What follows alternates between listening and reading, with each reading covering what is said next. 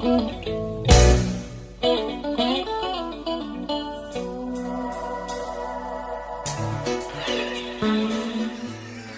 is hoe die jazzlegende Ray Chikapa Phiri deur baie onthou sal word.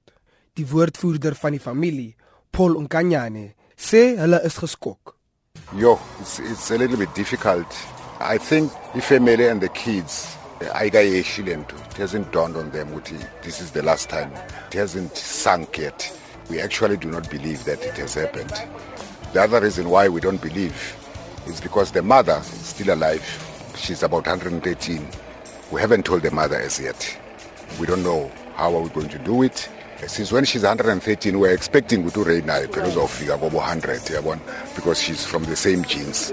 Een van Phiri se seuns is 32-jarige Akona. Hy sê hy het baie by sy pa geleer.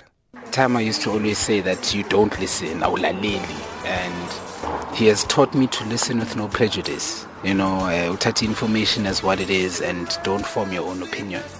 And that is one of the greatest lessons engisifundile kuye. You know, um, I mean, on Saturday, whilst I was in hospital, able to shut up and listen. You don't listen, you know. So for me, it's all of those things. You know, I'm, I'm remembering this was so his affinity for cooking, his love of life, you know, um, always well dressed, always smelling good.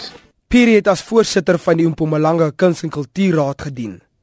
Die waarnemende premier, Refilum Tsweni, bevestig dat 'n spesiale provinsiale begrafnis gehou gaan word.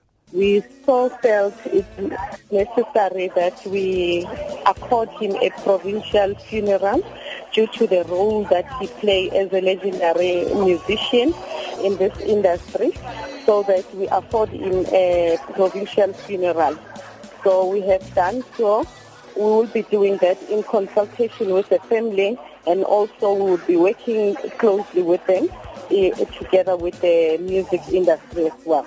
Die 70-jarige legende se gedenkdiens sal Saterdag gehou word. Hy word volgende Woensdag in Nelspruit begrawe. Ek is Vincent Mofokeng vir SAK nuus.